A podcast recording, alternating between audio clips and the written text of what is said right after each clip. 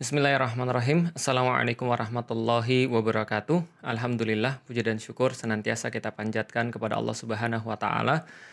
Sebagaimana kita senantiasa mencurah dan melimpahkan salawat dan salam kepada Rasulullah Muhammad sallallahu alaihi wasallam. Alhamdulillah, puji dan syukur ketika kita hidup, ketika kita bisa bernafas, ketika kita bisa mengucap puji dan syukur itu hanya kepada Allah, Tuhan semesta alam. Kita bersolawat, kita bersalam dengan mengucapkan Allahumma salli ala Sayyidina Muhammad dan kita bersalam dengan Assalamualaikum ya Rasulullah. Teman-teman sekalian, insya Allah dirahmati Allah, pada hari ini kita melanjutkan apa yang sudah kita uh, mulai, yaitu adalah tentang bab ketiga daripada buku uh, Beyond the Inspiration, teman-teman sekalian. Ini adalah buku yang kita bahas uh, beberapa waktu terakhir ini, sudah episode yang ke-13, dan kita membahas tentang jalan menuju keimanan.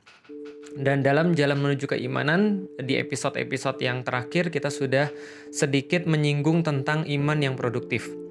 Nah, pada hari ini kita masih uh, berbicara tentang iman yang produktif supaya kita benar-benar memahami bahwa penting sekali kita membangun sebuah keimanan yang produktif agar apa pun yang ingin kita bangun berikutnya di dalam bangunan Islam itu menjadi sebuah hal yang uh, baik, menjadi sesuatu hal yang benar. Jadi kita fokus pada melakukan sesuatu dengan seharusnya.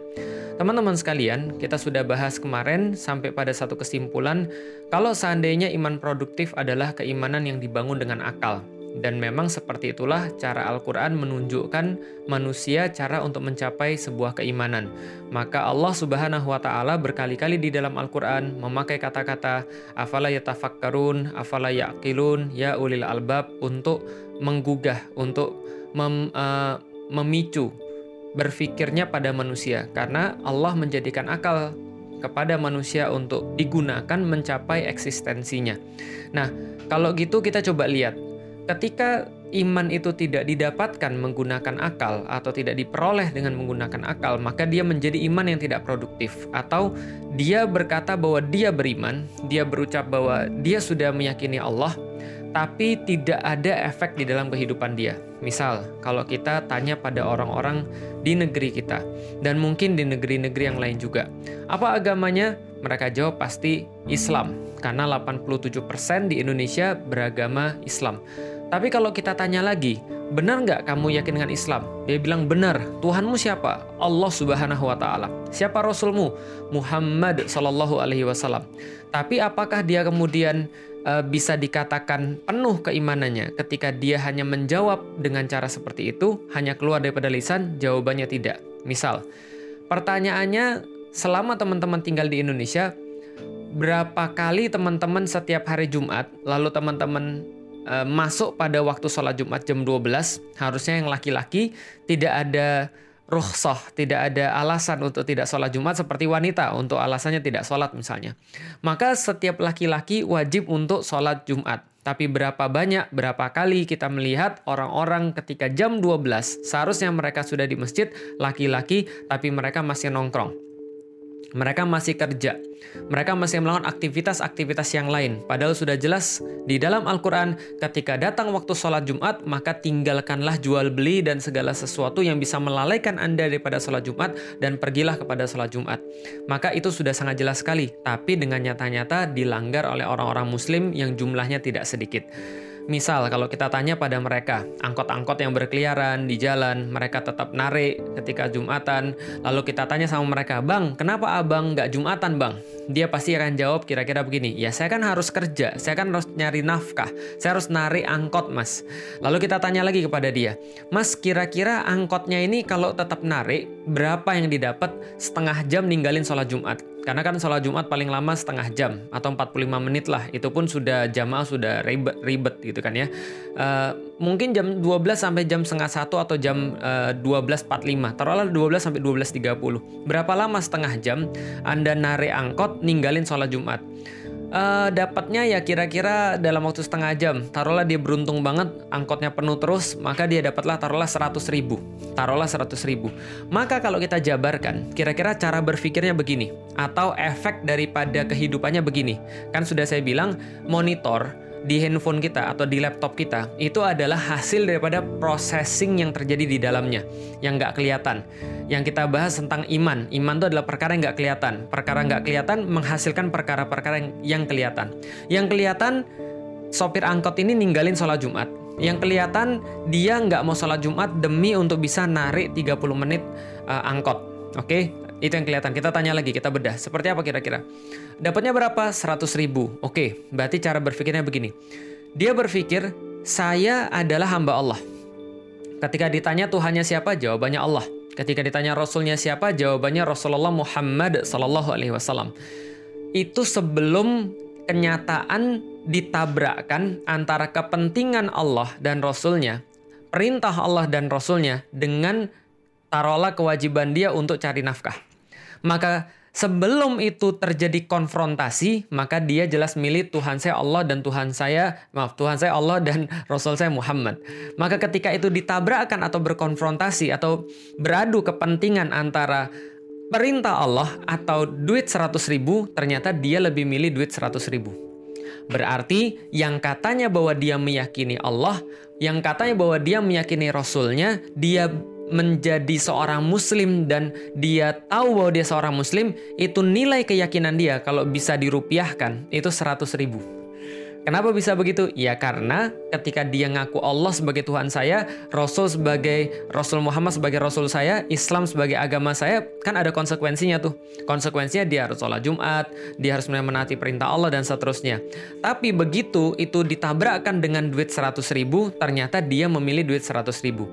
Berarti harga keyakinan dia kepada Allah Subhanahu wa taala dan keadilan Allah dan bahwa Allah itu memberikan rizki kepada hamba-hambanya, bahwa Allah itu lebih layak ditaati daripada apa pun juga, bahwa kehidupan dia di dunia ini ujung-ujungnya akan kembali kepada Allah. Semua keyakinan itu dihargai 100 ribu, keyakinannya kalah.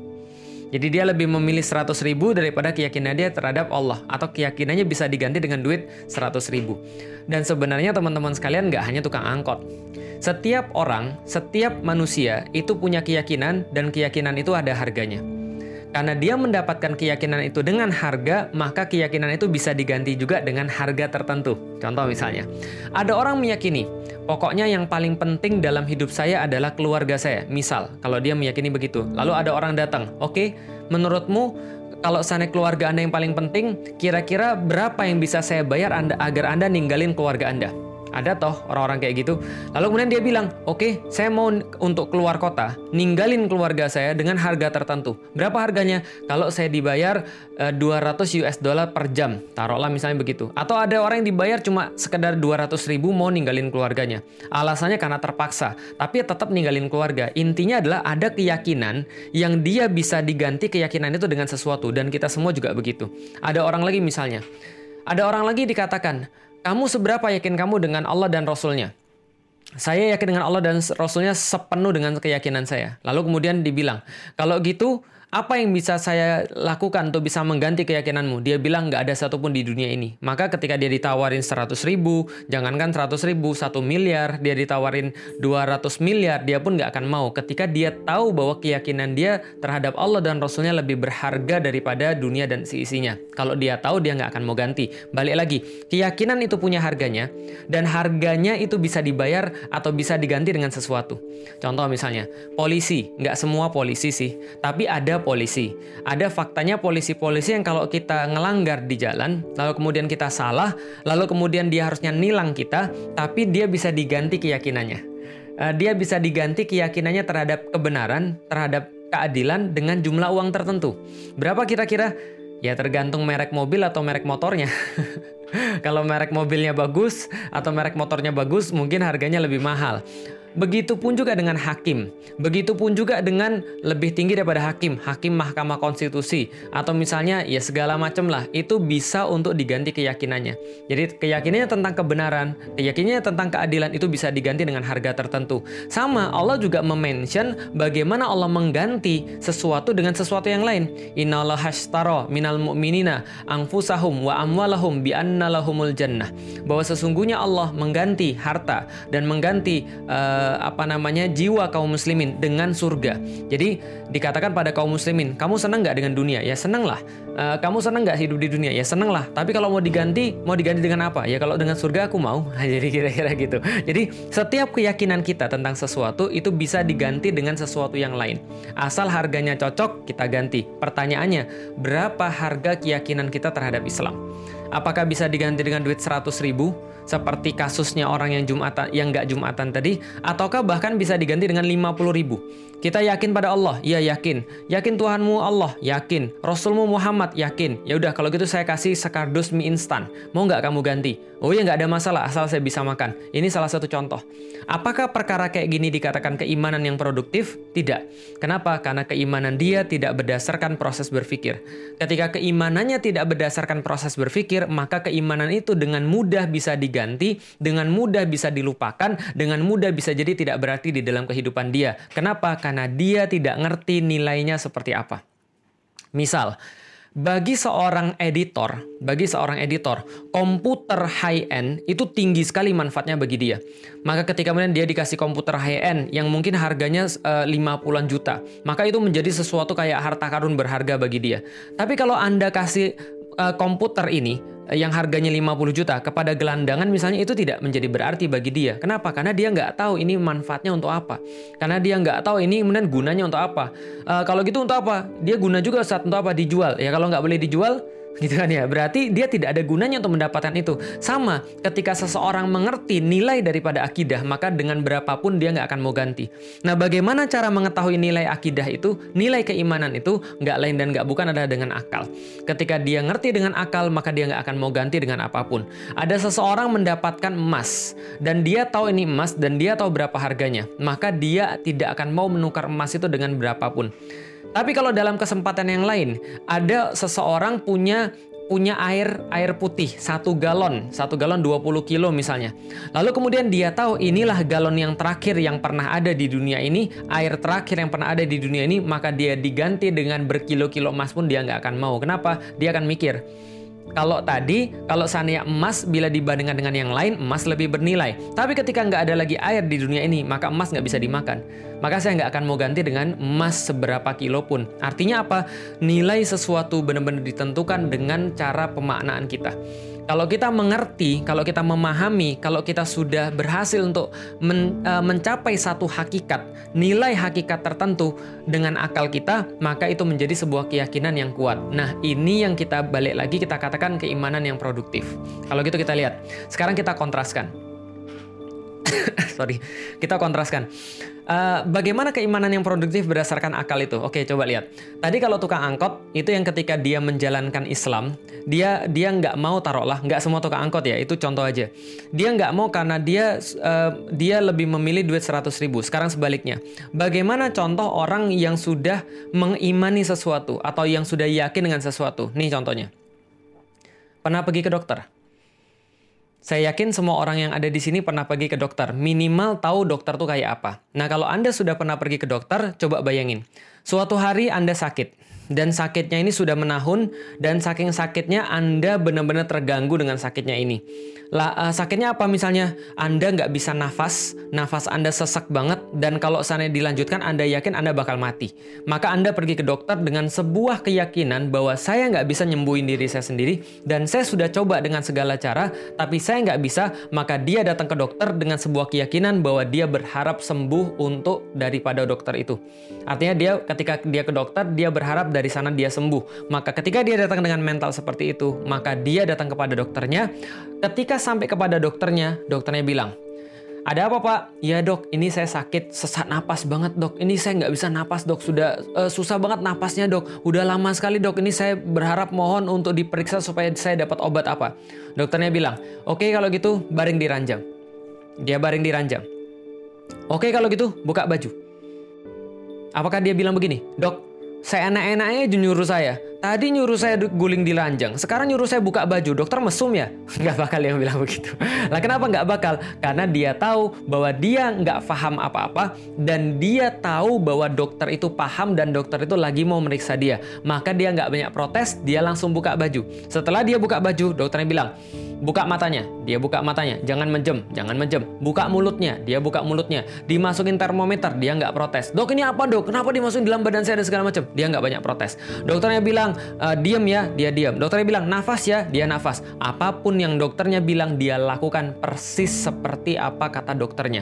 Kenapa? Karena dia paham dia mau sembuh. Karena dia paham kalau dokternya itu salah diagnosis dia bisa bahaya. Karena dia tahu sakit itu membuat dia menderita, maka dia mengharapkan kesembuhan. Maka dia mau nurut apa pun kata dokternya. Ini yang dinamakan dengan iman maka sebenarnya Anda sudah mempraktekkan keimanan yang produktif itu secara tidak sadar. Ketika Anda pergi ke dokter misalnya, atau orang di kantor sama bosnya, itu juga keimanan yang produktif. Dia tahu persis kenapa dia harus menaati bosnya. Bosnya bilang, besok datang jam 7. Dia datang jam 7. Bosnya bilang, jangan pulang nanti jam 4. Dia nggak pulang. Bosnya bilang begini, dia lakukan. Bosnya bilang begitu, dia lakukan. Kenapa? Karena dia punya keimanan yang produktif. Untuk bisa melakukan apa pun perintah bosnya, dia harus beriman dalam tanda kutip kepada bosnya. Untuk melakukan apa pun perintah dokter, dia harus beriman dalam tanda kutip kepada dokter tadi. Ini keimanan yang produktif. Sekarang kita andaikan lagi. Ada orang pergi ke dokter, tapi ketika dia sampai ke dokternya itu, dia mendapati sesuatu yang berbeda. Apa yang dia dapati? Dia masuk ruangan dokter, tiba-tiba ruangannya warnanya gelap. Ruangnya warnanya gelap, kecium dari hidungnya bau menyan. Setelah dia lihat, uh ternyata di meja dokternya ada menyan. Ada asap yang membumbung dari sana terus dokternya keluar. Dokternya keluar, waduh ternyata dokternya pakai bajunya bukan pakai baju dokter. Tapi bajunya pakai baju surjan misalnya. Atau baju kotak-kotak misalnya. Atau baju uh, baju ada totol-totol uh, macan tutul misalnya. Lalu kemudian dia pakainya pakai uh, belangkon rambutnya panjang gitu kan ya terurai dan gak terurus nggak pernah dikeramas giginya hitam lalu dia ngomong sakit apa mas? Lalu kemudian dia minum terus disembur. Kira-kira dia percaya nggak dokternya? Nggak percaya sama sekali. Maka ketika dokternya yang dalam tanda kutip yang kayak tadi dokternya bilang keranjang dia nggak mau Kenapa? Dia sudah deg-degan, dia sudah curiga. Nah, curiga ini adalah keimanan yang tidak produktif tadi. atau atau sesuatu yang menjadi awareness pada manusia. Dia mulai merasa curiga, ini ada apa? Manusia yang tidak percaya nggak akan mau taat.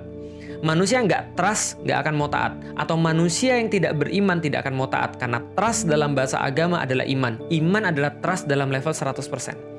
Itu keimanan. Pertanyaannya gimana cara dapat trust dalam 100% ini? Itu yang nanti akan kita bahas. Yang jelas teman-teman sekalian, kalau dia tidak punya trust, maka dia nggak akan menaati. Suruh buka baju, dia akan nggak mau. Lah kenapa? Kenapa saya harus buka baju? Emang kamu siapa? Dia mulai nanya-nanya, kamu dokter atau bukan? Dia berusaha untuk uh, untuk mereveal, untuk membuka ini dokter beneran atau dokter gadungan. Kenapa? Karena dia tidak percaya. Sebaliknya, ini cara untuk percaya. Dia datang ke ruangan dokter, maka dokter itu tahu persis bahwa segala macam pengobatan dia sangat terpengaruh oleh kepercayaan orang. Maka sejak orang tuh masuk ke ruangan klinik dia, ke ruangan periksa dia, itu semua yang ada di ruangan itu adalah untuk meyakinkan pasien. Karena dia tahu keimanan kepada dokter itu penting. Keimanan adalah tanda kutip ya, bukan keimanan terhadap Allah loh, dalam tanda kutip. Dia tahu itu penting banget. Maka ketika Anda masuk, Anda sudah mulai diyakinkan. Bagaimana ketika Anda diyakinkan Anda masuk ruangannya bersih, bau-bauan obat, lalu ada tempat praktek yang menarik, ada tempat praktek yang meyakinkan, ada foto-foto yang dipajang di sana, dia lagi salaman sama sama raja apa, dia lagi salaman sama presiden, dia lagi kemudian ikut seminar apa, dia lagi dapat penghargaan apa, itu dipajang biar Anda yakin bahwa ini dokter chair, ini dokter keren, ini dokter top pokoknya. Lalu kemudian keluarlah dokternya, dokternya keluar keluar, uh, dandanannya rapi, rambutnya biasanya disisir ke samping, kalau nggak disisir ke belakang, rapi. Tapi kalau misalnya Anda masuk ke ruang dokter, lalu kemudian rambutnya begini, anda mulai bertanya-tanya ini dokter atau aktor film Korea? Gitu kan ya. nggak ada dokter-dokter yang nggak rapi soal saya dokter rapi semua. Uh, rambutnya ke samping atau rambutnya ke belakang pakai kacamata. Uh, uh, mukanya terurus giginya rapi gitu kan ya. Lalu kemudian pakai baju dokter jas warna putih. Lalu kemudian dia nanya ada yang bisa saya bantu? Sakit apa mas? Lalu dia dia kemudian mendiagnosis dan segala macamnya. Dan yang paling penting adalah yang meyakinkan anda bahwa dia benar-benar dokter ada di situ yang namanya surat izin praktek. Surat izin praktek ditaruh di sana untuk meyakinkan bahwa dia dokter yang sudah punya izin praktek dari Ikatan Dokter Indonesia atau apalah misalnya. Taruhlah begitu. Maka Anda yakin. Setelah Anda yakin, Anda mau diapa-apain sama dokter tadi. Karena Anda mengharap sembuh dan Anda yakin betul dia dokter. Apalagi kalau sudah ada referensi daripada teman-temannya Anda teman Anda bilang, eh kamu sakit apa? Ini sesak napas nih. Oh dat datanglah ke dokter itu. Lah kenapa? Gue kemarin bro, gue sesak napas sama kayak lo, persis sama kayak lo. Lu rasanya begini kan? Iya bener. Rasanya kayak gini kan? Iya bener. Nah, gue sama persis kayak lo. Kemarin gue pergi ke dokter ini bro. Apa yang terjadi bro? Gue baru sampai pintunya aja, sembuh gue. Waduh. Lah kalau misalnya ada referensi kayak gitu, Anda semakin yakin lagi. Dan ketika Anda yakin, maka Anda dalam tanda kutip beriman pada dokter tadi. Maka Anda akan menuruti semua permintaan dia. Naik ranjang, naik ranjang. Buka baju, buka baju. Napas, napas. Tutup mata, tutup mata. Buka mulut, buka mulut. Setelah selesai kemudian periksa, Anda dikasih resep. Resepnya lalu dia jelasin, Mas, ini resepnya ya mas ya. Anda itu menderita penyakit TBC atau enggak mas? TBC tingkat parah mas.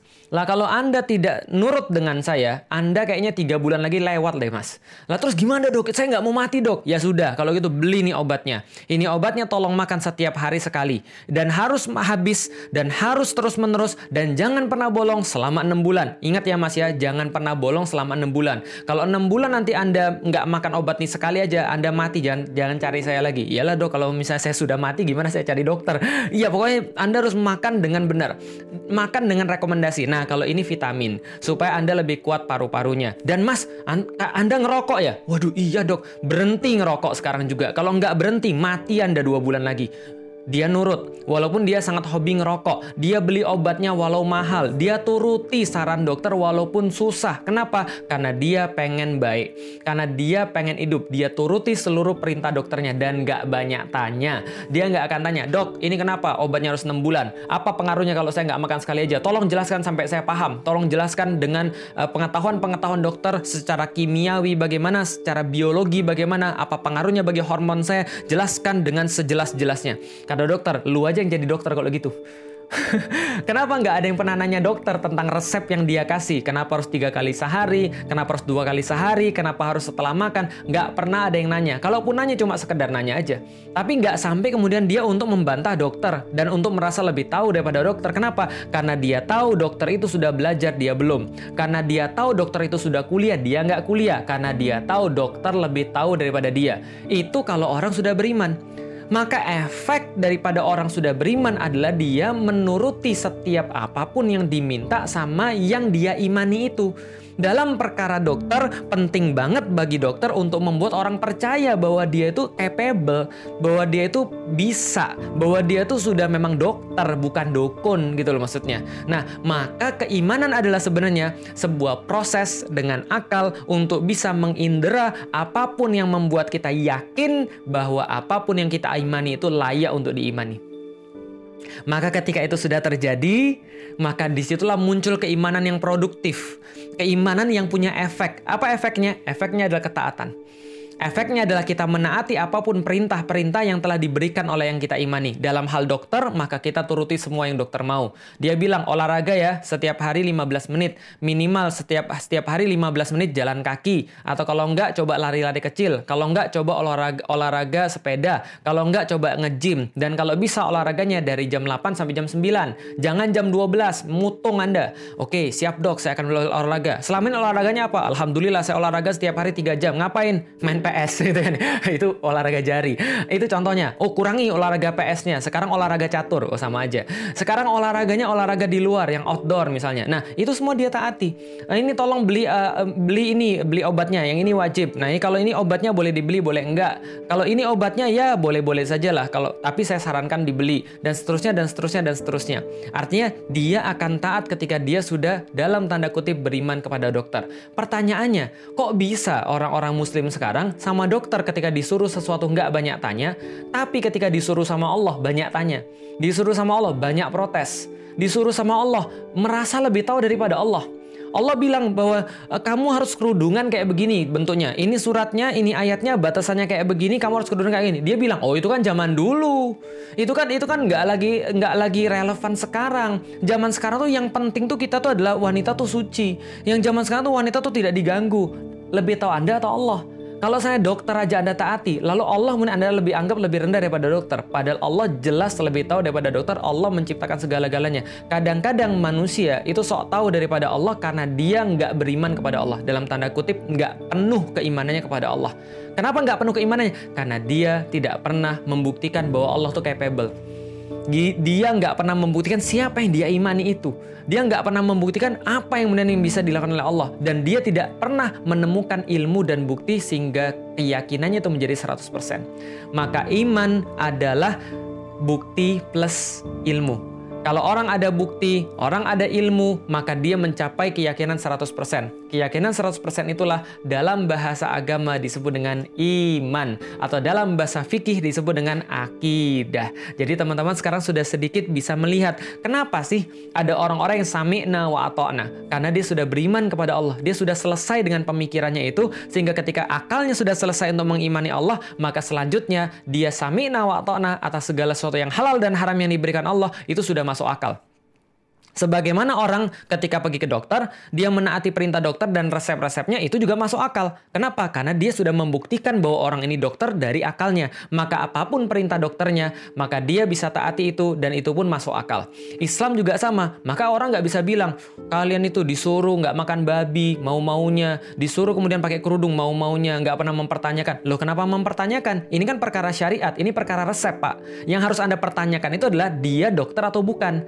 Ketika Anda sudah bisa pastikan dia dokter, maka Anda jangan tanya resepnya.